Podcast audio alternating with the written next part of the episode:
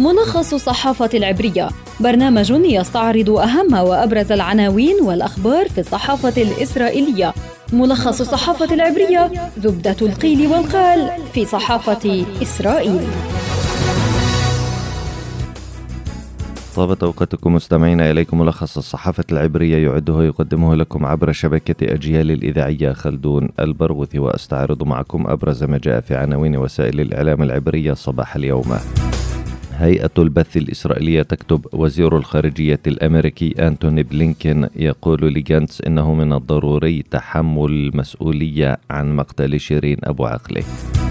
في صحيفة هآرتس محاضر المحكمة في مجزرة كفر قاسم القتلة لم يتصرفوا كجنود ملزمين بتنفيذ الأوامر بل كانوا يؤمنون أن هذا هو الأمر الصحيح. يدعوت أحرنوت تعنون. سلاح الجو الإسرائيلي يوقف عمليات طيران طائرات F-35 بسبب خلل تقني. في يدعوت أحرنوت أيضا. ترامب كاد يتراجع عن اعترافه بالقدس عاصمة لإسرائيل وعن نقل السفارة بسبب برود نتنياهو عندما أبلغه ترامب بذلك. في صحيفة معارف منصور عباس يقول إنه يأمل أن تبقى الحكومة الحالية في الحكم لكنه لا يستبعد الشراكة مع أي طرف. وفي القناة الثانية عشرة أييلت شاكيد لا تستبعد الشراكة مع نتنياهو. موقع والا يكتب بعد أسبوع من البحث العثور على جثة المحامي رائد محاميد الذي غرق في بحيرة طبرية. قالت هيئة البث الإسرائيلية إن وزير الخارجية الأمريكي أنتوني بلينكين أبلغ جانتس بضرورة تحمل إسرائيل المسؤولية عن حادثة مقتل شيرين أبو عقله وأجرى بلينكين بعد لقائه عائلة أبو عقله الأسبوع الماضي مكالمة هاتفية مع جانتس أمس السبت قال فيها إنه من الضروري تحمل المسؤولية عن الحادثة المأساوية لمقتل الصحفية شيرين أبو عقله في جنين. كما أكد بلينكين على حق الإسرائيليين والفلسطينيين المتساوي بالأمن والحرية والديمقراطية وحسب بيان لمكتب جانتس فقد قال الأخير لوزير الخارجية الأمريكي إن الجيش يعمل على إنهاء التحقيق الشامل في الحدث الذي قتلت فيه أبو عقله وأن إسرائيل ستشارك نتائج التحقيق مع الولايات المتحدة بعد الانتهاء منه.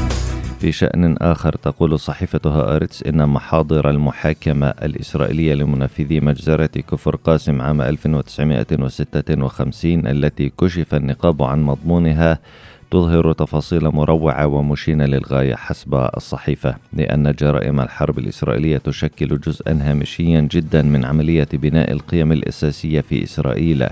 وذكرت الصحيفة أن الجنود الذين نفذوا المجزرة في كفر قاسم لم يكونوا يتعاملون مع القضية بأنها أوامر هم مجبرون على تنفيذها بل نفذوا المجزرة وهم يؤمنون أن ما يقومون به هو الأمر الصحيح. كشف كتاب ألفه جاريد كوشنر صهر الرئيس الأمريكي السابق دونالد ترامب أن ترامب كاد يتراجع عن قرار اعتراف واشنطن بالقدس عاصمة لإسرائيل وبنقل السفارة الأمريكية إليها بسبب البرود الذي أبداه نتنياهو عندما اتصل به ترامب لإبلاغه بالقرار. وحسب كوشنر فقد قال نتنياهو لترامب ببرود بالغ إنه سيدعمه إن كان هذا خياره فظن ترامب أن نتنياهو لم يفهم ما قاله له فأعاد التأكيد على الاعتراف بالقدس ونقل السفارة فواجهه نتنياهو بالبرود نفسه. وخلال المكالمة ثار ترامب وكاد يتراجع عن قراره لأن نتنياهو كان يرى أن القرار ليس مهما.